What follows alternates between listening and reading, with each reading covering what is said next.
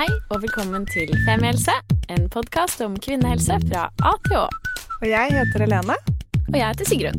Og vi har startet denne podkasten fordi vi mener at det bør snakkes mye mer om kvinnehelse. Så la oss snakke. Hei, hei, hallo, og velkommen til eh, denne ukens episode av Femihelse. Vi skal i dag ta opp et tema som vi har fått masse tilbakemeldinger på at vi må snakke om. Eh, og vi har lett etter en ekspert uh, lenge, og endelig funnet en som vi har skikkelig tiltro til. Og det var veldig gøy hvor jeg fant henne, fordi vi ble jo faktisk invitert på et eh, seminar om kvinnehelse på Stortinget. Selveste Stortinget. Veldig gira. Der var lille jeg, helt alene, og hørte på Tina Tellum snakke om endometriose sammen med en representant fra Endometrioseforeningen. Om en film de hadde laget. Og eh, når jeg så den filmen også, så skjønte jeg jo litt hva dette var. For vi har jo fått veldig mange meldinger om, om at vi må snakke om det. Ja. Men jeg har i hvert fall ikke visst hva det var for noe. Eller jeg syns det har vært veldig vanskelig å forstå. Ja. Eh, jeg har også prøvd å liksom Og når jeg prøver å forklare det til folk, så feiler jeg alltid sånn halvveis ut i forklaringen. Eh, for det blir veldig dramatisk. Man blør i bukhulen, og så skjønner jeg sånn Nei, nå må jeg bare stoppe å prate. Men eh, velkommen, Tina Tellum. Hei, tusen takk. Hei. Kan ikke du gi en kort introduksjon av deg selv, hva du jobber med, og ja. Ja, det kan jeg. Jeg heter Tina Tellum. Jeg er gynekolog, og jeg jobber på Ullevål, på kvinneklinikken der. Og jeg forsker da også om eh, eh, som er veldig tett beslekta med endometriose, og tar doktorgrad med det. Ok, det må vi komme tilbake til, for det er et nytt ord for meg. Et Splitter nytt. Splitter nytt. Men vi kan jo da egentlig begynne med, med første spørsmål, som pleier å være hva er da egentlig endometriose? Endometriose er en sykdom hvor livmorslimhinne sitter inn i bukhulen. Og livmorslimhinne skal egentlig sitte i livmorhulen. Det er kjertler som er eh, lagd av naturen til å ta imot et eh, befruktet egg, eh, og holder det på plass da. Og vi alle har sett litt av den livmorslimhinnen, nemlig når vi har menstruasjon. Da kommer den ut via livmorhalsen og vagina og inn i en tampong eller i et bind. Og denne livmorslimhinnen kan være feilplassert. Den kan enten um, sitte da i bukhulen. Um, vi vet ikke helt hvordan den kommer seg inn der. Hos noen kommer det via egglirene feil retning, altså ikke ut via livmorhalsen, men inn i bukhulen via egglederne. Hos noen er det kanskje også medfødt. Og så kan den også sitte et annet sted, nemlig i livmorveggen. Og livmorveggen er en muskel, og disse slimhinnecellene, når de sitter i en muskel, så skaper de en del problemer.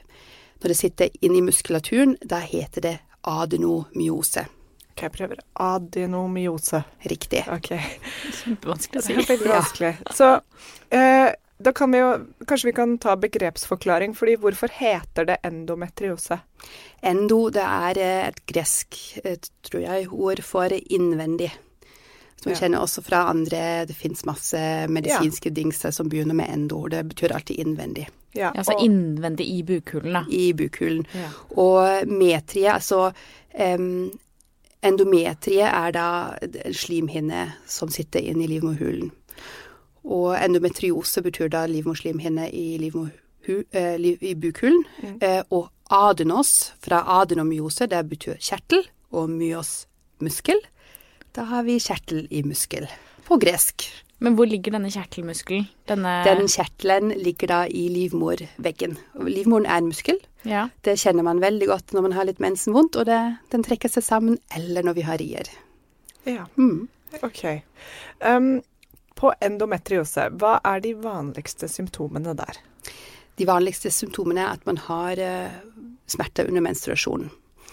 Og hvis jeg får lov å bare kapre den endometriose, adenomyose Yes, vær så god. Eh, definisjon eller den diskusjonen, for de, de to kommer ofte hånd i hånd, og de har masse sånne overlappende eh, symptomer, så jeg bare tar de i ett. Ja. Og vi kan også bare kalle de endoadeno, skal vi det? Ja, Ja, la det. oss. Kjempefint. Um, det er typisk at man har smerter under menstruasjon og veldig kraftige menstruasjonsblødninger. Hva som er kraftig, det er jo litt individuelt, men når det er på sitt verste, så kan man virkelig være nødt til å skifte en stor tampong hver time eller annen hver time. Oi. Mange trenger også um, både bind og tampong. Og når man siden særlig adenomyose forverrer seg med årene Altså jeg har møtt mange pasienter eh, i 40-åra som faktisk bruker eh, nærmest bleier. Men altså, så det er ikke bare snakk om veldig smerter, det er snakk om økt blødning? Ja. Ah, ok. Mm. Endometriose kan også gi smerter før menstruasjon. Altså det bygger seg gjerne opp, og så har man smerter eh, særlig dag én og to, og da blør man også massivt.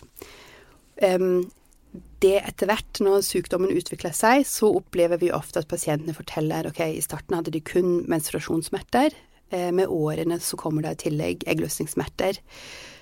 Og det er jo midt i syklusen, og så flyter det sammen. Så har de egentlig tre av fire uker ganske mye smerter opp og ned. Ja, det er grusomt. Det er helt Man må jo også bli veldig sliten da, hvis man blør altså, så mye at man må gå med bleie. For Ja. da må du miste masse blod, rett og slett. Ja. Og det er mange kvinner som eh, er lav i blodprosenten. Og det vi ser, at det ikke ble tatt ordentlig på alvor. Altså det er bare sånn ja ja, men vi vet hvorfor du er lav i blodprosent. Du har blødd deg ned, du har mensen. Og kvinnene selv, de er ikke obs nok på å behandle det. De svelger kanskje bitte litt jerntabletter eller sånt av og til, men det er ofte ikke nok til å erstatte det blodet. Og de har økt fare for å få en infeksjon, de er veldig slappe, de har kortpusta, andpusta. Så det er eh, bare det å være lav i blodprosent eh, fører til en hel haug med andre eh, problemer. Men hva er det som gjør vondt? Altså fordi jeg har uh, lite problemer med menstruasjon. Eller jeg har fått det det siste året fordi jeg har puttet inn en kobberspiral. Så nå kjenner jeg plutselig på ja, oh, oh, vondt i korsryggen, skikkelig kramper, blør mye mer. Vi får se hvor lenge den får lov til å bli boende hos meg. Men hva er det som gjør vondt? Når du har mensensmerter, så er det vel sammentrekningen av livmoren som på en måte skal dytte ut blod, og det gjør vondt. Det er riktig. Det er to ting som gjør vondt. Altså Det ene er at em, livmoren den skal eh, ha en pumpefunksjon. Den er helt fantastisk. Altså Den pumper med små, sånne små bølgede sammentrekninger, pumper den blodet ut under menstruasjonen. Um, og når du har eggløsning, så skal den pumpe, så snur den retningen, og så pumper den sædceller opp til den siden Oi, det er så kult. hvor egget venter. Ja, det er kjempekult. Og når du har endometriose, og særlig adenomyose, som da sitter i den livmorveggen som skal pumpe med en fin retning, så er disse pumpebevegelsene forstyrret. Og de er ukoordinert. De er mye, mye kraftigere enn de egentlig burde være, og de er mange flere. Så det er helt sånn ukoordinert, eh, rotete pumping. Så det gir masse kramper og smerter. Det er det ene. Det andre er at man eh, Disse slimhinneceller som sitter både i livmorveggen og i buken, skaper en eh, reaksjon av kroppen som vi kaller inflammasjon. Og det er en slags betennelse, helt uten bakterier, har ingenting med bakterier å gjøre. Men i inflammasjon man hører ordet flamme. Den betennelsen, den irriterer masse nerveendene, skaper masse molekylære mekanismer som øker smertene. Og det, betennelsen er hovedproblemet med endometriose og adenomyose, som da også fører til en del komplikasjoner.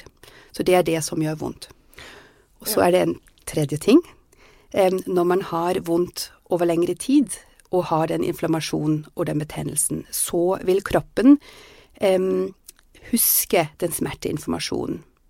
Og det er en veldig kompleks eh, mekanisme, men smertesignalene endrer em, i hjernen en del kan du si, en del neuronale funksjoner i selve hjernen. Um, og du, la, du skaper en skikkelig bred bane for smertesignalet. Hjernen blir sensibilisert, og neste gang du får den smerten, så holder det med mindre smerte til å skape et høyere smertesignal opp i hjernen. Så man venner seg ikke til den smerten, men desto lengre og mer smerte du har, desto mer smerte skaper det på nytt. Wow. Var det litt komplisert, eller? Nei da, det, det ga mening. Ja. Eh, wow. Ja, fordi det er jo det jeg også føler at de venninnene mine som har, har det, eller har mye problemer med det, på en måte også må ta mer og mer smertestillende, og det blir, det blir ikke bedre med Nei. årene. Nei. Det blir verre. Um, kan alle få dette? Får man, når får man det? Du sa jo innledningsvis at man kan være født med det. Er det arvelig? Det er arvelig.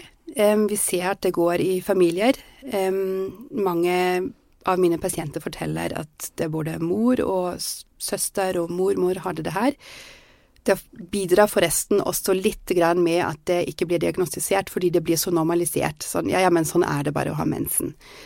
Så um, det, det, det vet vi. Vi vet ikke helt mekanismene bak det. Noen utvikler det helt fra første mensen sin og har det, og det, så blir det verre. Noen får det med åra, og særlig adenomyose blir em, verst, egentlig veldig som bemerkbart fra ofte gjerne 30-årsalderen og utover. Og det er noe som blir verre med hver fødsel, med utskrapninger, eh, og også egentlig med hver menstruasjon. Jeg lurer på Alle kan få det, og det er mye vondt, men liksom veldig mange kvinner er jo vant til å ha vondt. Eh, og vi snakker, altså sånn, snakker om det, og at man har smerter og tar smertestillende. Hvor vondt bør man ha før man oppsøker hjelp? Eller i hvert fall før man kanskje kan mistenke at det er noe som ikke er som det skal, da. Det er et vanskelig spørsmål, for smerte er så subjektivt. em, og noen har veldig lite vondt og er uh, veldig plaget av det.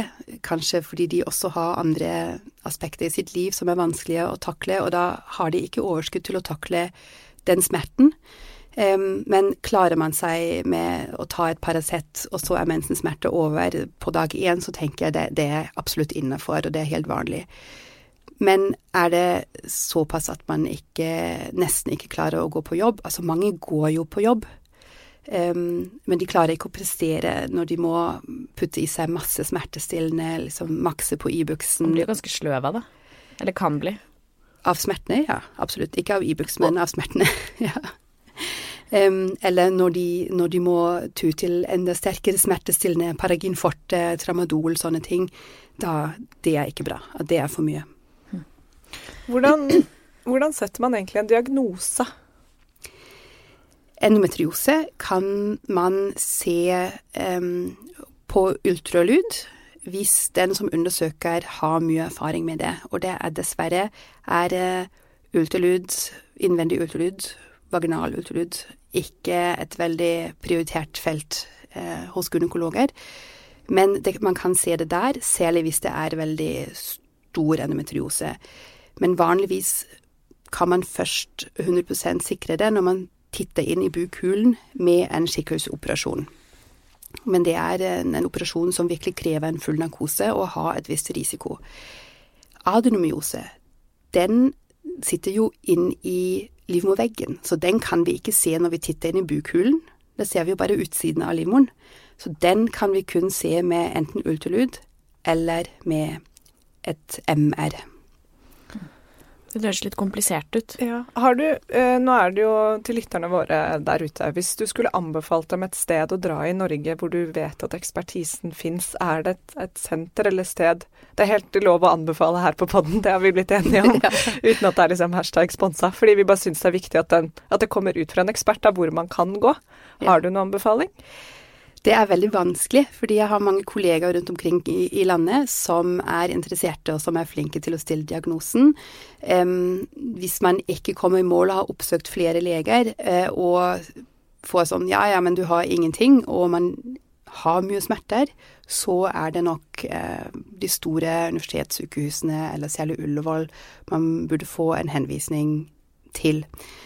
Og så er det også sånn, hvis man har hvis man ser på ultralyden at det er litt adenomyose, altså den som sitter i livmorveggen der, um, og man er litt sånn usikker kan det være endometriose eller ikke, så forstår jeg veldig behovet for å sikre diagnosen har jeg det, har jeg det ikke, med en operasjon. Men samtidig så vil det ikke endre noe i behandlingen. Du vil anbefale kvinnene å behandle det med hormoner, f.eks. en hormonspiral. Og hvis du da har god effekt og har eh, god symptomkontroll, så er det ikke noe vits egentlig å ta en så eh, svær operasjon. Bare for å vite det. Men hvorfor kan en hormonspiral eller en, en p-pille kontrollere symptomene? De, de sykdommene er hormonavhengige. Eh, og det skjønner vi jo, ikke sant. Livmorslimhinnen bygger seg jo opp en gang i måneden, blør ut, bygger seg opp, blør ut. Og det eh, er jo samme litt sykelig form, men det er egentlig samme prinsippet med endometriose og adenomyose. Um, så de vil De reagerer på hormoner. Litt forskjellig. Vi vet f.eks. at adenomyose blir, kan bli litt verre uh, med, en, med østrogen, altså med en vanlig p-pille. Så hvis man har endometriose og likevel ikke har sånn supergod effekt av en p-pille, da kan man kanskje mistenke at man har adenomyose i tillegg. Det man prøver å oppnå når man behandler med hormoner, er at de slimhinnecellene ikke får lov å utfolde seg og svinge i syklusen som de gjør i en normal syklus, så man, så man prøver å stabilisere de. Så hvis vi gir en p-pille, så gir vi den sånn at da skal man ta tre uker med p-pille, og så rett på neste brett. Mm. Ikke få noen blødning. Så det, vi prøver alltid å oppnå å ikke få noen blødning. Og en enda mer elegant måte å gjøre det på er med en hormonspiral, for den virker konstant, den har mye mindre hormoner, og den gjør i tillegg at slimhinnecellene tørker inn. De blir helt smale og tynne og nesten borte. Og det ser vi også med skikkelig ille adromyose, hvor livmoren blir stor som en liten ball og, og ligger der i bekkenet og er betent, at det krymper inn med hormonspiralbehandling. Ok, Da er det jo sånn sett en ganske enkel behandling, da. Ja. Og det sier jeg også ofte, hvis det funker, never change a winning team. Det man må si Altså, jeg får ofte av pasienter Ja, men jeg har en venninne, og hun var sånn Ja, det, man kan ikke bruke venninnes eksempel på seg selv, særlig ikke når man har adenomyose og endometriose. Har man adenomyose, så er det ikke sånn nice to have. Da burde du ha en hormonspiral og, og prøve den for å virkelig holde den sykdommen i sjakk og sørge for at den ikke blir verre. Og dessverre er det sånn at adenomyosen kan være litt slem, så man må regne med å ha litt mer blødninger enn hvis du ikke har adenomyose med hormonspiral. Og det tar ofte lengre tid før den virker, så man må virkelig ha is i magen, vente seks måneder før man sier nei, det funker ikke. Dessverre hos noen er det ikke effektivt nok. Og apropos venninner. Apropos venninner som har det ene eller det andre, så er jeg så, um, jeg er så glad og, og syns dette er veldig spennende og gøy. Og at har fått, uh, vi har fått besøk i studio i dag av en av mine aller beste venninner, Jannike. Velkommen. Hei. Hei. Så du er da rett og slett invitert inn i podkasten for å prate om mensensmertene dine? Rett og slett. Endelig et fora hvor jeg kan få snakke ordentlig om mensensmertene mine. Jeg vet at du har etterlyst, etterlyst dette i mange år. Absolutt. Eh, ja. Så du er jo Jeg har jo sett deg eh, på hytteturer og bare sånn generelt i hverdagen hvordan eh, mensensmertene dine kan slå deg skikkelig ut. Mm. Ja. Hvordan opplever du det når du da uh, har mensen og har disse smertene? Um, altså, helt fra jeg fikk mensen da jeg var 15, tror jeg, så har jeg jo hatt uh, menssmerter ganske kraftig. Um, og det er som regel ett døgn hvor det liksom er skikkelig ille helt i begynnelsen. Jeg kan kjenne det liksom rett før jeg får mensen. Eh, da kommer liksom faresignalene, holdt jeg på å si. Eh, og for min del så er det liksom veldig vondt i magen. Du kjenner de der sammentrekningene i livmoren. Jeg føler at det er litt sånn med å ha rier, selv om jeg aldri har hatt rier. Men det er litt sånn det kommer i bølger. Og det er litt som at noen drar eller skjærer litt i deg liksom fra innsiden, så du bare må puste, ligge litt krøket sammen. Det, det kan være forferdelig vondt, da. Um, for min del så har jeg jo ikke hatt kraftige blødninger, sånn som Tina beskriver, da. Eh, sånn sett har jeg kanskje sluppet litt billig unna. Men de smertene har liksom alltid vært med meg. Mm. Ble satt på p-piller nesten med en gang jeg fikk mensen pga. det. Og på videregående så hadde jeg en løpende sykemelding om at jeg kunne være borte fra skolen én til to ganger i måneden fordi jeg hadde så kraftige menssmerter. Altså, jeg har frysninger over hele kroppen nå. Ja. Ja. Du hadde faktisk den syke sykemeldingen vi alle prøvde. Ja, den alle ønsket seg. Kan ikke, løpe, kan ikke løpe dag fra mensen. Ja, uh, ja men det, det, er sant, faktisk. Ja. Men, uh, og så hadde jeg vel noen resepter på noe sterkere Naproxen uh, kombinert med noe uh, Paracet. Jeg fikk en sånn kombo, Ibux Paracet-kombo som jeg regner med at mange leger anbefaler. Men det er liksom, både p-pillen og det gjorde ikke at Altså, jeg hadde jo fortsatt mye smerter, så det liksom løste det ikke for min del. Og så, for kanskje fem-seks år siden, da fant jeg ut at jeg skulle slutte på p-pillen for første gang i mitt liv. Jeg var litt spent på å se liksom hva som skjedde både med syklus og smerten, egentlig, da. Kom det til å bli verre, eh, og så videre. Eh, og det, da kjente jeg jo at Smertene ble ikke så mye verre, men det som ble veldig vanskelig, var at jeg ikke hadde noe forutsigbarhet rundt når jeg skulle ha mensen, fordi syklusen min var jo helt ute å kjøre. Ja, fordi da du gikk på p-piller, så hadde du Du valgte på en måte å ha mensen allikevel? Ja, fordi det var egentlig ingen som rå... Jeg, jeg, liksom, jeg husker jeg spurte legene om det, og de sa jeg kunne hoppe over iblant hvis jeg trengte det. Sånn, så hvis det var kritisk noe jeg skulle og jeg ikke kunne ha menssmerter, da, ikke sant? For i og med at det på en måte eh, bød på store problemer, så, så hoppet jeg over iblant. Men på den tiden så var det liksom ingen som gikk ut og sa sånn du skal bare hoppe over jevnt over. Det var litt sånn du kan hoppe over en gang eller to, men så må du liksom tilbake har, på den, da. Det har jo vært veldig oppfatningen at man liksom Ja. ikke skal hoppe over.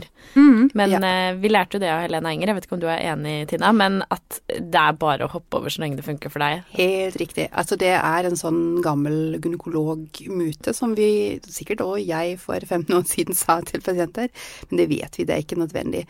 Å hoppe over, det fungerer ikke hos alle i all evighet. Altså noen må bare legge inn en pause hver tredje måned. Til slutt så skvulper det over. prøv. Ja. Ja, det gjør det. Men det er ikke sånn at det bygger seg opp og blir mer og mer og mer. Det holder seg tynt, men Ja, det, ja, det skulle jeg ønske jeg hadde visst. Ikke sant? Ja. Jeg skulle ønske du Ja, jeg skulle virkelig ønske Jeg husker jeg så deg en, en morgen vi var på hyttetur, og du kom opp og du ikke hadde sovet hele natten. Mm. Og du kom sånn krøket opp trappen, og det så ut som du hadde født tvillinger nede i, i første etasje uten å si ifra til oss. Du var helt Du var sånn lyseblå i ansiktet. Ja. Og du var helt ute, og jeg tenkte bare shit, hva er dette? Ja. Og du er dama jeg kjenner som har lederstilling, løper maraton, trener masse, er Du tåler en støyt, da. Mm. Og når jeg så deg da, så tenkte jeg bare fy faen, ass, det her er ikke riktig. Ja. Og det som har vært så frustrerende med å, å se deg også, er jo også mangelen på diagnose og hjelp, da. Mm. Ja. Ja, altså jeg har jo eh, gått veldig mye til eh, både legen og særlig også gynekologer, da, for jeg har jo alltid vært på en måte bekymret for at det er noe galt. For det har jo ikke føltes som at det er sånn det skal være. Og så har jeg alltid fått svar at nei, men menssmerter er normalt. Og kanskje jeg liksom ikke har pusha på nok eller presisert hvor ille det har vært, men jeg, har liksom gått eh, til flere forskjellige gynekologer opp gjennom årene. Så ofte at jeg har fått beskjed om vi skjønner ikke hvorfor du er her, alt ser fint ut, du er frisk, rask, det er ingenting her eh, liksom Det er ingen grunn til at du kommer såpass ofte, men jeg har alltid vært redd for at det har vært noe galt eh, pga. smertene. Eh, og endometriose har aldri kommet opp som et måte, forslag, da. Ikke en eneste gang. Så det er egentlig nå, eh, først nå kanskje det siste året, hvor jeg eh, liksom har fått en litt sånn ny fokus på det. Fordi nå er jo jeg liksom bikket 33 i fjor. Eh, har samboer som jeg møtte liksom relativt sent. Eh, og plutselig har man jo lest litt da om hva endometriose også kan gjøre med liksom fertiliteten. da. Og det ble liksom en ny dimensjon. Liksom på et eller annet absurd nivå så har jeg liksom vent meg til å leve med de smertene, og kanskje på et eller annet vis forsonet meg med at det er sånn mitt liv er, liksom. At en dag i måneden så må jeg melde meg litt ut av verden. Men Um, men det merket jeg at jeg ble liksom, da ble jeg litt uh, betenkt rundt sånn Må jeg få denne diagnosen nå? Jeg vil vite liksom, Kommer dette til å bli et stort problem, så trenger jeg liksom å ha plass i livet mitt til å få adressert det sammen med kjæresten min hvis vi vil ha barn. da. Så um, da gikk jeg til legen igjen i høst. Uh, og da var jeg litt sånn Nå skal jeg ikke gi meg, jeg skal ta opp endometriose og si jeg tror jeg har det. Uh, og, og på en måte passet på å presisere at liksom, nå har det vært så ille de siste par årene at noen ganger så må jeg ta valium når jeg skal legge meg, for jeg våkner på natten, og da er smertene så ille, og da må jeg liksom være våken i to timer til før smertestillende virker litt, jeg får ikke sove, liksom. Det har bare tatt av helt. Da har jeg liksom vært helt desperat, prøvd alt mulig. Eh, og da ble jeg liksom hørt. Da ble jeg tatt på alvor, da. Og da, eh, litt sånn eh, motvillig, ble jeg på en måte henvist til denne kikkhullsoperasjonen som Tina snakket om. Men da jeg begynte å stille litt spørsmål om det, så skjønte jeg jo at akkurat det som ble snakket om her i sted, at jeg vet ikke helt hva den operasjonen eller eh, utredningen ville løst for meg, utover at eh, jeg kanskje ville fått konstatert at ja, kanskje du har endometriose, eller var det andom... Hva var det het?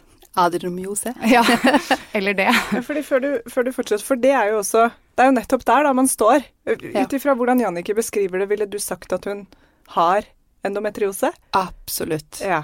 Altså sant? det Altså, ik- vi kan jo ikke si 100% men det er så overveiende sannsynlig at ja, du har eh, endometriose. Kjenner jeg blir lettende. Ja, ja. Altså smerte Altså måten smerter eh, eh, Du beskriver de. Altså det er en veldig spesiell type smerte. Mm. De er sykliske. eh, De er så ille. Det, det kan selvfølgelig være noe annet, men det er ekstremt sannsynlig at du har endometriose. Og siden p-pillene ikke virket 100% ikke usannsynlig at du har adenomyose. Mm. Ja. To diagnoser. Shit, på en dag. Vi skal snart til den tredje. Ja, det skal vi. Fordi du fikk jo da disse to Du fikk eh, et alternativ med kikkhullsoperasjon. Ja. Eh, og så forklarte jo jeg at grunnen til at jeg var opptatt av å finne ut av det, eh, kanskje spesielt opptatt av å finne ut av det nå, var jo fordi det, at vi tenkte på etter hvert at vi hadde lyst på barn, og at jeg følte at jeg liksom måtte mentalt forberede meg hvis det skulle vise seg å være en mye mer omstendelig prosess enn at det bare skulle skje av seg selv, da. Og jeg har aldri vært gravid før eller noen ting, så det har jeg også tenkt litt sånn Kanskje det ikke er noe som ville skjedd. Så det har jeg egentlig liksom uh, hatt en magefølelse på, da, at det ikke skulle gå, uh, gå så av seg selv.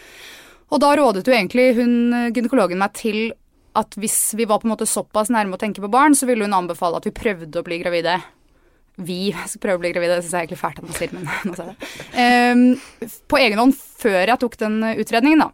Um, for det ville vært det beste, på en måte, hvis det skjedde av seg selv. Fordi det kunne også liksom lette på en del av symptomene senere.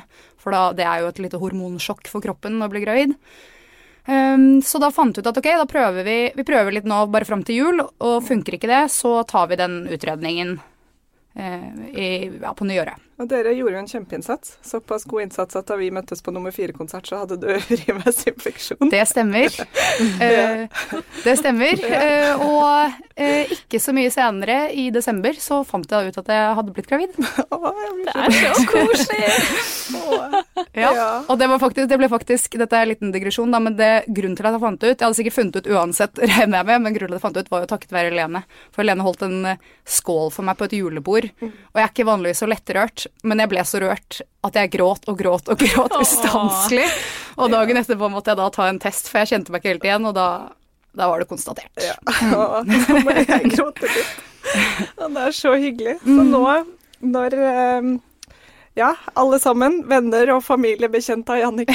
It's out. It's out. Dere Ja. skal bli tanter og onkler. Altså, vi er så beæret over at vi får lov til å i Ja. hvert fall medslippe denne nyheten. Ja. Takk for at jeg får broadcaste den Ja. på Femihelse. For når, du da, når denne episoden slippes, så er du da eh, godt over tolv uker. Ja. Eh, og alt ser fint ut. Mm. Så det er så utrolig hyggelig. Og da er det jo noe med at eh, det kan hjelpe med en graviditet eh, på endometriose, som du Riktig. sa. Ja. Hvorfor det? Fordi i de hormonene i graviditeten, de eh, hjelper til å tørke ut eh, disse slimhinnecellene. Og særlig når man da ammer. Eh, hormonstatusen i ammeperioden er også sånn som hvis man går på en eh, god eh, hormonspiral, kan du si. Men hvis du har adenomyose, den som sitter i livmorveggen, den blir gjerne verre. Så jeg anbefaler deg jo når du er, eh, er forløst og kommer på seks ukers kontroll, at du bare får en hormonspiral. Da utnytter man den positive effekten at alt er rolig og fredelig og ingen hormoner i sving da. um, til å opprettholde det, og da vil du ha en veldig god kontroll over både endo og adeno. Så beholder du den fram til du skal eh, gå i gang med nummer to. Jeg syns, det er så deilig å få et konkret tips. Mm. Det skal jeg bare notere meg med det samme. Og Ja. absolutt gjøre. Mm. Det og da har du jo også nå fått funnet ut at du er fruktbar, og Mm. at du ikke du trenger, sånn som eh, du også sa, den derre å teste syklusen i et år i forveien når dere skal ha, hvis Mm. dere skal ha barn nummer to, da. Hvis Mm. ikke det blir hun, som jo kan jo være en bedre løsning. Det kan godt hende. ja. Men hvis man skal ha barn nummer to eller tre, at man da ikke nødvendigvis liksom Å, nå skal jeg ha sykluset i et år for å finne ut av det. Mm. Ja. Så nei, det er uh, veldig spennende. Men eh, det er jo også en del som da sliter med å bli gravid fordi man får endometriose, eller har det. Er, og det er fordi den pumpen ikke fungerer helt, og Det er, det er litt sånn flere faktorer. Mm. Um, det ene er den pumpen, altså den sædtransporten opp. Og også når egget er befruktet, så skal eh, det transporteres med en da igjen snudd retning av den pumpen eh, inn i livmorhulen. Og da tror man med adenomyose at den pumper for mye, så at det befruktede embryo kanskje ikke havner der det skal. Mm. Det er det ene. Og det andre er også den betennelsen. Den her inflammasjonen og betennelsen, den ødelegger både eh, egg- og sædtransport, kan ødelegge eggkvalitet, eggstokkene. Eh, og den kan også skape et så fiendtlig miljø inn i livmorhulen og livmorslimhinnen at eh, embryoet ikke har lyst til å feste seg. Og vi ser også at det er en del um, komplikasjoner i svangerskap og fødsel som er uh, forbundet med endometriose og adenomyose. F.eks. svangerskapsforgiftning og blødninger, eller at barnet ikke vokser som det skal vi vet ikke sånn 100 Vi har ikke veldig gode studier hvor stor det risikoet er. Det er kanskje noen risikoer er dobla, det hørtes mye ut. Men hvis det er veldig lite risiko i utgangspunktet, så er ikke det så farlig. Vi har ingen måte å forhindre det på. Altså, vi kan ikke behandle det. Og man skal ikke liksom bli veldig redde nå, og så har jeg endometriose, så før det er for tidlig. Men man skal ha det i bakhodet. Mm. Um, og hvis man ønsker seg barn um, og tror man har endometriose, og det tar lang tid da, før man eventuelt blir eh, gravid, er det, er det noe man kan gjøre? Ja, altså hvis man har disse symptomene, og man har prøvd i et halvt år, et år, og ikke blitt gravid, så burde man være veldig framoverlent og få en sånn skikkhusoperasjon. Fordi hvis man reduserer um, slim, altså endometriosecellene, så har vi sett at det øker sannsynligheten å, å, bli gravid i en kort periode. For de kan man fjerne med en operasjon? Ja, de, altså redusere i hvert fall. Ja. Eh, og det kan hjelpe. Men da må man ha en god timing. Altså man kan ikke ta en operasjon, og så venter man et halvt år, og, og så setter man i gang, for da kan alt være tilbake på det gamle. Okay. Så det, det er viktig timing. Med adenomyose det er verre, fordi da har vi De kan vi ikke fjerne. Disse cellene sitter i livmorveggen helt sånn spredt. Um, og hvis man ikke blir gravid med å ha adenomyose, så burde man prøve en, en kunstig befruktning. Nå er det jo uh, sånn at Jannicke må komme seg tilbake på jobb, ser jeg på klokka her nå. sånn at uh, ja, vi tar en eh, liten pause og sier ha det til deg, og så kan vi ta en eh, oppsummering etterpå, Tina. Eh, tusen, tusen takk, Jannicke, for at eh, du kom her i dag og delte dette med oss. Takk både historien din ja. og ikke minst nyheten. Ja. Det er, setter vi skikkelig stor pris på. Ja, det er veldig, veldig hyggelig. Så takk. takk. Tusen takk, Jannicke. Yes, da er Jannicke sendt av gårde i en taxi tilbake til jobben sin. og det var så fint å ha henne her, og at hun delte både historien sin, men også nyheten om at hun er gravid. Herregud. Det er så sykt Rørende øyeblikk på poden. Og så er det jo litt jeg tenker sånn som et tema som dette her, som er litt sånn skummelt og komplekst. For mange så er det veldig fint å ha et helt vaskeekte menneske som uh, fortalte litt om hvordan det er. Ja, og så er det sånn at uh, vi, eh, vi, har blitt litt sånn mensendamene, Sigrun og jeg. Opp, jeg opplever mer og mer, og det vil jeg bare understreke at jeg setter pris på. At når jeg treffer eh, kjente, mindre kjente og til og med ukjente, så får jeg veldig fort historiene nå. Om mensensmerter eller problemer med dette, eller at de har PCOS de også, eller skjeve bryster. Det er veldig hyggelig at folk deler det. Skikkelig fint. Og det som jeg tenker at er litt viktig å presisere, er at Jannicke her er Jeg har sett hvordan hun har levd med dette i 15 år, og hvor jævlig det har vært for henne. Og så hadde så er det skikkelig fint at det gikk så bra for henne å bli gravid. Og det gikk så greit. Og, og det gjelder jo for eh, heldigvis mange. Men så er det også sånn at jeg inviterte egentlig en annen gjest til å komme hit i dag, og som var så dårlig at hun ikke kunne komme. Som nå er inn og ut av sykehuset, prøver å bli gravid og ikke får det til, og har også alvorlig endometriose eh, og adeno... Ja, adenomyose. adenomyose. Sånn at det er en eh, det er et spekter her, da som er viktig for meg å presisere at det er sikkert mange av dere som hører på, som kjenner det igjen i Jannikes versjon. Og så er det nok noen av dere som har det verre, og noen som har det litt lettere. Jeg ville bare si det, ja. så vi vet at hver historie der ute er Nei, hver historie er unik, og behandling er unikt. Eller ikke behandling nødvendigvis, men jo. hvordan man lindrer symptomer, og behandling. Behandling må ja. skreddersys. Ja. ja. Mm.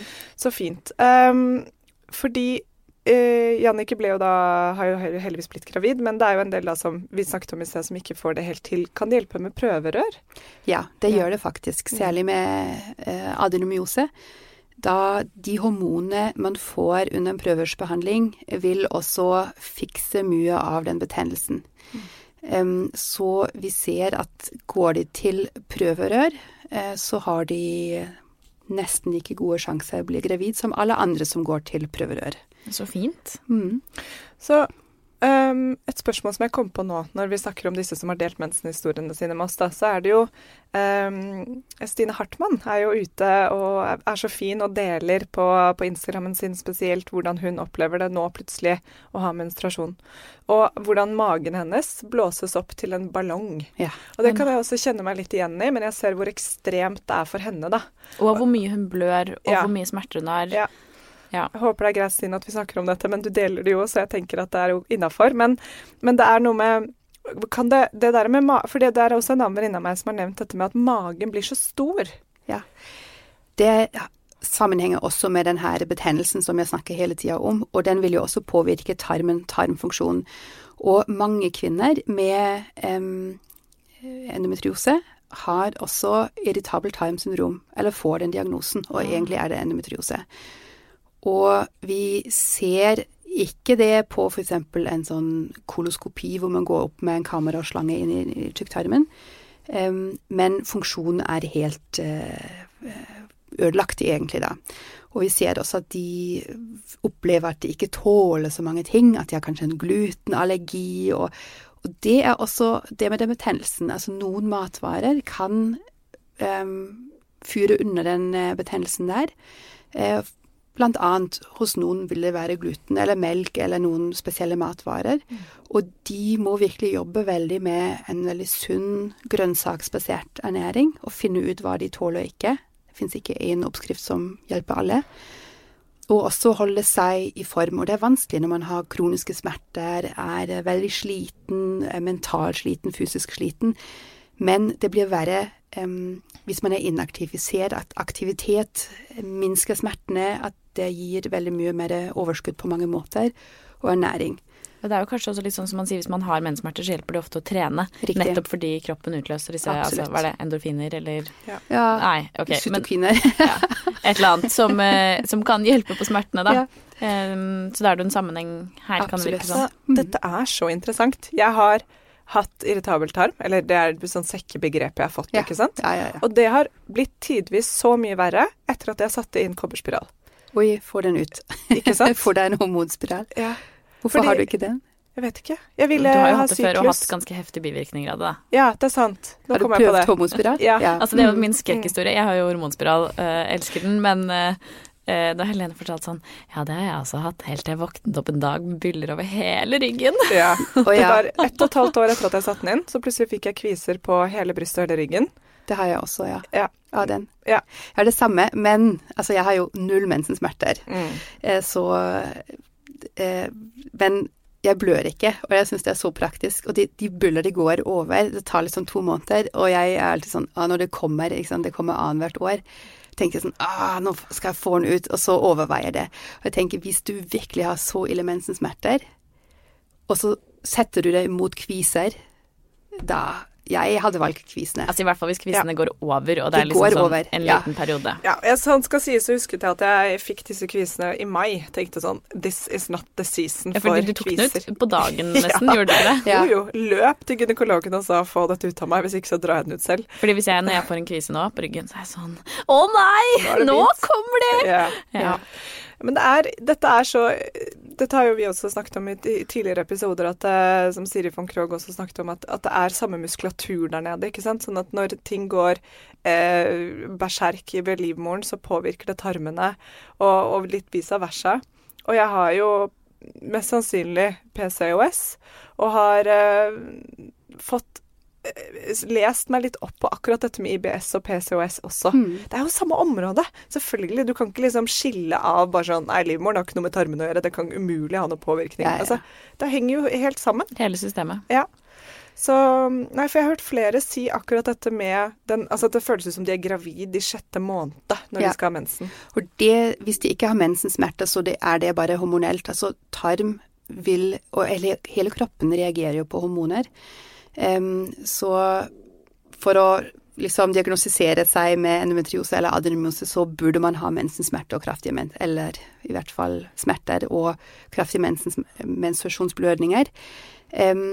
Men det du nettopp sa, det med man skal se helheten, det er også veldig, veldig viktig i behandlingen av endometriose og adenomyose. At man ikke alt henger på én knagg. Det blir for enkelt. Altså, man, man får jo muskelspenninger og, og, og knute seg i bekkenbunnen og sånt, men det, det, er også andre ting som kan spille inn. Har du hatt en depresjon, depresjon før eller en angstdiagnose, så vil de smertene eh, ødelegge mye, mye mer enn hvis du er helt frisk og helt stabil og veldig ressurssterk og har et fantastisk hjem og sånn. Så det er mange, altså det sosiale, din familiebakgrunn, dine opplevelser, um, har du vært utsatt for overgrep, alle disse ting vil bidra med hvordan din kropp og din sjel kan takle smertene. Og det, ofte når man sier ja, men vi ser ikke noe endometriose eller adrenomyose hos deg, så opplever jeg at kvinner blir veldig lei seg. De vil ha en diagnose, de vil ha en knagg. Men det er ikke så lett. Man må ofte Man må se hele kvinnen. Sjelen og, og kroppen og alle organene. Det er veldig fint uh, det du sier der. Og, og, Siri Kalla, som vi hadde også på besøk, snakket om mye om det samme. ikke sant? At det skal ikke være vondt å ha mensen egentlig. Mm. Det skal være noe du helt fint kan leve med. Og hun er jo veldig opptatt av um, kosthold og balanse, meditasjon f.eks. Det mm. å finne roen da, og leve etter syklusen sin. Men selvfølgelig har du alvorlig endo... And, adeno. adeno, adeno, adeno så, så er det, eh, vil jeg si, lettere sagt enn gjort, da. Men det, men det, er, det er helt, det høres veldig fornuftig ut det du sier med å se hele bildet og prøve på det, da. Ja. Selv om jeg vet jo selv hvor vanskelig det er i en vanlig hverdag. Um, mm. Og det, det, er ja, jeg blir så sint ofte når jeg ser de store behovene disse kvinnene har. Og det er helt berettiget behov, kanskje også en sexolog, for man kan ha utrolig mye smerte under samleie. Jeg tenkte bare noe støter bort i den betente livmoren der. Det er jo vondt. Ja, det er liksom veldig vondt Ja, og de kvinnene får dårlig samvittighet. De føler de er ikke noe ordentlig mødre, for de er slitne, de er ikke noe hustru. Og så det baller jo på seg. Og hvordan Og så skal man bare liksom finne energien og dra seg ut. Og så viser vi ofte disse solskinnshistorier av en kvinne som hadde det så ille, og så nå trener hun og løper maraton. De fleste klarer ikke det. Nei. Og vi trenger et mye bedre behandlings- og støtteapparat rundt disse kvinnene. Og det er så neglisjert og så nedprioritert. Og det er derfor vi møttes på Stortinget. Mm. Fordi vi regjeringen burde bevilge midler til et eh, endometriose adenomyose behandlingssenter for de verste tilfellene, hvor vi har en ernæringsfysiolog, fysioterapeuter, sexologer, psykologer og, og veldig velutdannede gynekologer på ett sted. Sånn at disse damene ikke må gå rundt og shoppe og finne alt selv.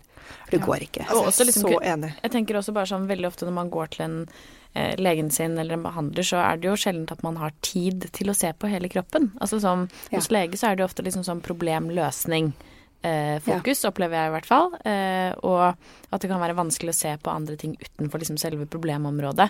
Så det krever jo en del, som jeg føler jeg har sagt mange ganger i denne podkasten, men eh, av oss som pasienter. Altså sånn ja. når det er noe galt, så krever det nesten at jeg er i stand til å sette eh, eller foreslå en diagnose som igjen vil kreve et utvidet behandlingsløp eller på en måte undersøkelses eh, rom, da. Så enig. Og når du hører da Jannicke, som er, virkelig et av de mest ja. ressurssterke menneskene jeg kjenner, og som på en måte blir nesten litt en solskinnshistorien fordi hun er så fungerende med disse smertene, og som da i en alder av 33 bare, sånn som hun sa, da, da sa jeg nå skal jeg ikke gi meg. Etter mer, enn nest, mm. etter mer enn halve livet. Ikke sant. Og nå skal jeg ikke gi meg. Nå skal jeg virkelig si nå må vi finne ut av dette, fordi nå vil jeg bli gravid og ha barn, så jeg må. Det er sånn at jeg skal komme dit, da. Det er et fucka. Det, ja, det er helt fucka. Men uh, jeg, jeg, er så enig i at vi må Men det, det, er jo også noe vi leger sliter med. Altså, ofte er det sånn Ja, jeg vet ikke hva du har, og som følge Da har du ingenting. Mm. For det er ikke sånn. Altså, jeg ser mange kvinner som i hvert fall ikke har endometriose ademyose, men de har vondt. Og da må jeg si Jeg vet ikke hva du har, men du har jo noe. Vi må ta dem på alvor. Og det er det som har skjedd hos henne. Vi kan ikke alltid finne ut hva som er vitenskapen kommer lenger, og om, om, ti år vet jeg kanskje hva disse kvinnene har som jeg ikke vet hva har nå. Men vi må likevel prøve i hvert fall symptomstyrt å hjelpe de, og kartlegge, og så lærer vi av det, og så kan vi kanskje diagnostisere det. Men det er et problem at når vi leger ikke vet diagnosen med en gang, så bare nei, men da har du ingenting. Særlig når det er sånne kvinnesykdommer, da sitter det jo med mellom ørene. Det er så urettferdig, og det er det disse kvinnene også lider veldig under, føler seg veldig sånn stigmatisert. At fordi hvis du innbiller deg noe, så ligger det jo implisitt. Da kan du bare endre tankesettet ditt, og da er du kvitt problemet. Det er urettferdig. vi- Ja, det er Jeg kjenner at vi må sette vår lit til deg og dine kollegaer som forsker på dette her. Ja, og vi, vi må gjøre noe. Vi må bare finne ut hva vi skal gjøre gjennom Femihelse, Sigrun. Ja. På en eller annen måte. Enig. Ja, ja. Men det er, det er forskningen som må på en måte på plass her også. For det er jo som du sier at hvis man hadde hatt diagnosen og det utstyret og alle, eller i hvert fall flere gynekologer og leger visste om dette Bare også som, som eh, episoden vi har laget om eh, vestibulitt og vaginisme, ikke Jeg sant. tenker veldig mye på den når vi Ja. snakker om dette her. Ja. Og jeg som har fått IBS, hva er det da? Hvordan skal jeg leve med det? Hva gjør jeg med det? Jeg har gått på Foodmap, jeg har gått på av og på, jeg har gått på så mye greier. Og så kommer det bare i bølger, og jeg merker at det er hormonelt, jeg merker at det er noe, men jeg vet ikke hva. Og så kan jeg helt fint Ja, whatever. No, det er nok om meg. Men det, er, det er jo frustrerende. Og så vil det kanskje alltid være sånn at kroppen er så avansert og et så fint uh, tuna instrument at det er vanskelig å sette en diagnose på alt, da. Men Men det er krevende, da, sånn Ja. samfunnsmessig. Ressurskrevende og tidkrevende og la, bla. ja, jeg merker at vi kunne prate om dette i eh, timer. Ja. Men eh, kanskje vi skal prøve oss på en liten oppsummering. La oss prøve. Nå Ja. har vi snakket mye. Sigrid, Men- kan du være så snill si de to tingene vi har pratet om?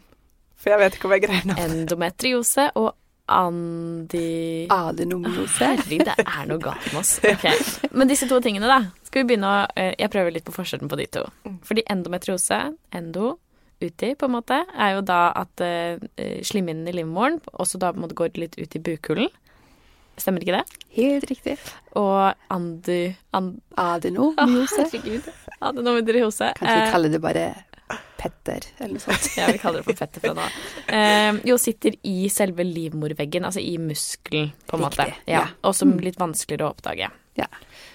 Symptomene for endometriose er jo da mm, sterkere mensensmerter, mer blødninger, det er en form for betennelse. Eh, og det kan også være vondt rundt eggløsning. Fordi den eh, pumpen som eh, livmoren eh, har som funksjon å enten pumpe mensen ut eller spermen opp, den er helt skakkjørt og vill, og er sterkere og hyppigere enn vanlig. Riktig. Ja. Og adino Det, den pumpen er adeno. Ad- kan pumpen er adeno. Ja, Ja, ja, Okay. Så Så symptomene er de samme. samme. Det er det, Ja. de samme. Ja. mm. Og så er på en måte Har du disse symptomene, og du er så plaget at ikke det hjelper med vanlig smertestillende, og du har vondt ofte før og etter og rundt, så kan du på en måte tenke at du har det. Riktig. Ja, og måten man setter en ordentlig diagnose på, er ved kikkhullsoperasjon for å se, og eventuelt også ultralyd. Riktig. Ja. Og behandlingen er um, Og, men kan Ja, jeg bare skyte inn der? At liksom, og like god diagnose, fordi det er ganske omfattende å sette den i en diagnosen. Du må i narkose. Eh, det er jo en operasjon. Ja. Eh, så da kan man jo nesten like gjerne anbefale å først prøve behandling. Eller en eh, vaginal ultralyd hos Ja. en ekspert. Ikke sant? Fordi det er jo da behandlingen er jo hormonbasert ofte, altså i form av en hormonspiral eller p-piller. Så hvis man først prøver det, ser man har effekt, og, hvis, ja, og så kan man eventuelt gå til en operasjon Riktig, etter det, da. ja, hvis Mm. man ikke har veldig god effekt. Og da er jo også det som vi lærte i dag, hopp over mensen. Ja, det er ikke noe farlig. Ikke ha den. Ikke, ikke, ikke tenk at det har noe effekt. Hopp over så lenge du kan av gangen. Um, og hvis uh, man, skal, um, man ønsker å bli gravid, så trenger man ikke nødvendigvis å vente Altså slutt, å, slutt på prevensjonsmidler, og så begynne å prøve med en gang, istedenfor kanskje å Riktig. ja, Tenk at du skal inn i syklus Ja, ja. og se det an litt. Ja. Nei. Da blir det bare vondt. Ja. Og hvis du er så heldig å bli gravid eh, når du har det, dette her, med en gang du er ferdig, så fort du kan, sett inn en hormonspiral. Riktig. Ja. mens du ammer. Ja. Mens du ammer. Og så er det eh, en liten eh, større risiko eh, når man faktisk blir gravid for svangerskapsforgiftning og noen andre ting, så bare har det i bakhodet, men ikke får panikk og tenker at 'this is me now'. Som Ja. regel går det ja, bra. Som regel går det bra. Det går bra. Ja. Ja. Ah, var det det, eller? En siste ting. Hvor Ja. hyppig er det? Ja, det har vi ikke snakket Oi, om. ok. Ja. Ja. Skyt inn. Man tror at 10% av kvinner har endometriose, og 20% altså hver femte kvinne har What?! Oi, det er så mange. Overlapp. Ja. Så det er mange som lytter til dette her, som kjenner seg igjen. Ja, og det er egentlig det er en fin avslutning at dette må tas seriøst. Når én av ti kvinner, eller én av fem faktisk til og med har dette, og på nesten er på randen til sykemelding, og til å liksom bli mindre funksjonell noen dager i måneden, så sier det seg selv at dette er et, også et samfunnsøkonomisk problem. Hvis det er det som skal til for at politikere tar dette seriøst, så får vi begynne å regne på hva det koster samfunnet, da. Men bare i seg selv at kvinner lider med dette, det, ja, jeg kjenner at det, noe må gjøres. Ja. Blir sint. Ja.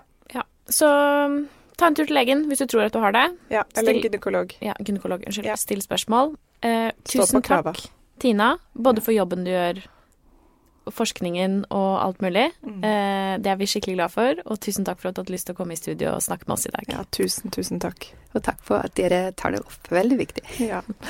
OK, gjengen. Vi snakkes. Vi snakkes. Ha det godt. Ha det. Tusen takk for at du hørte på podkasten vår.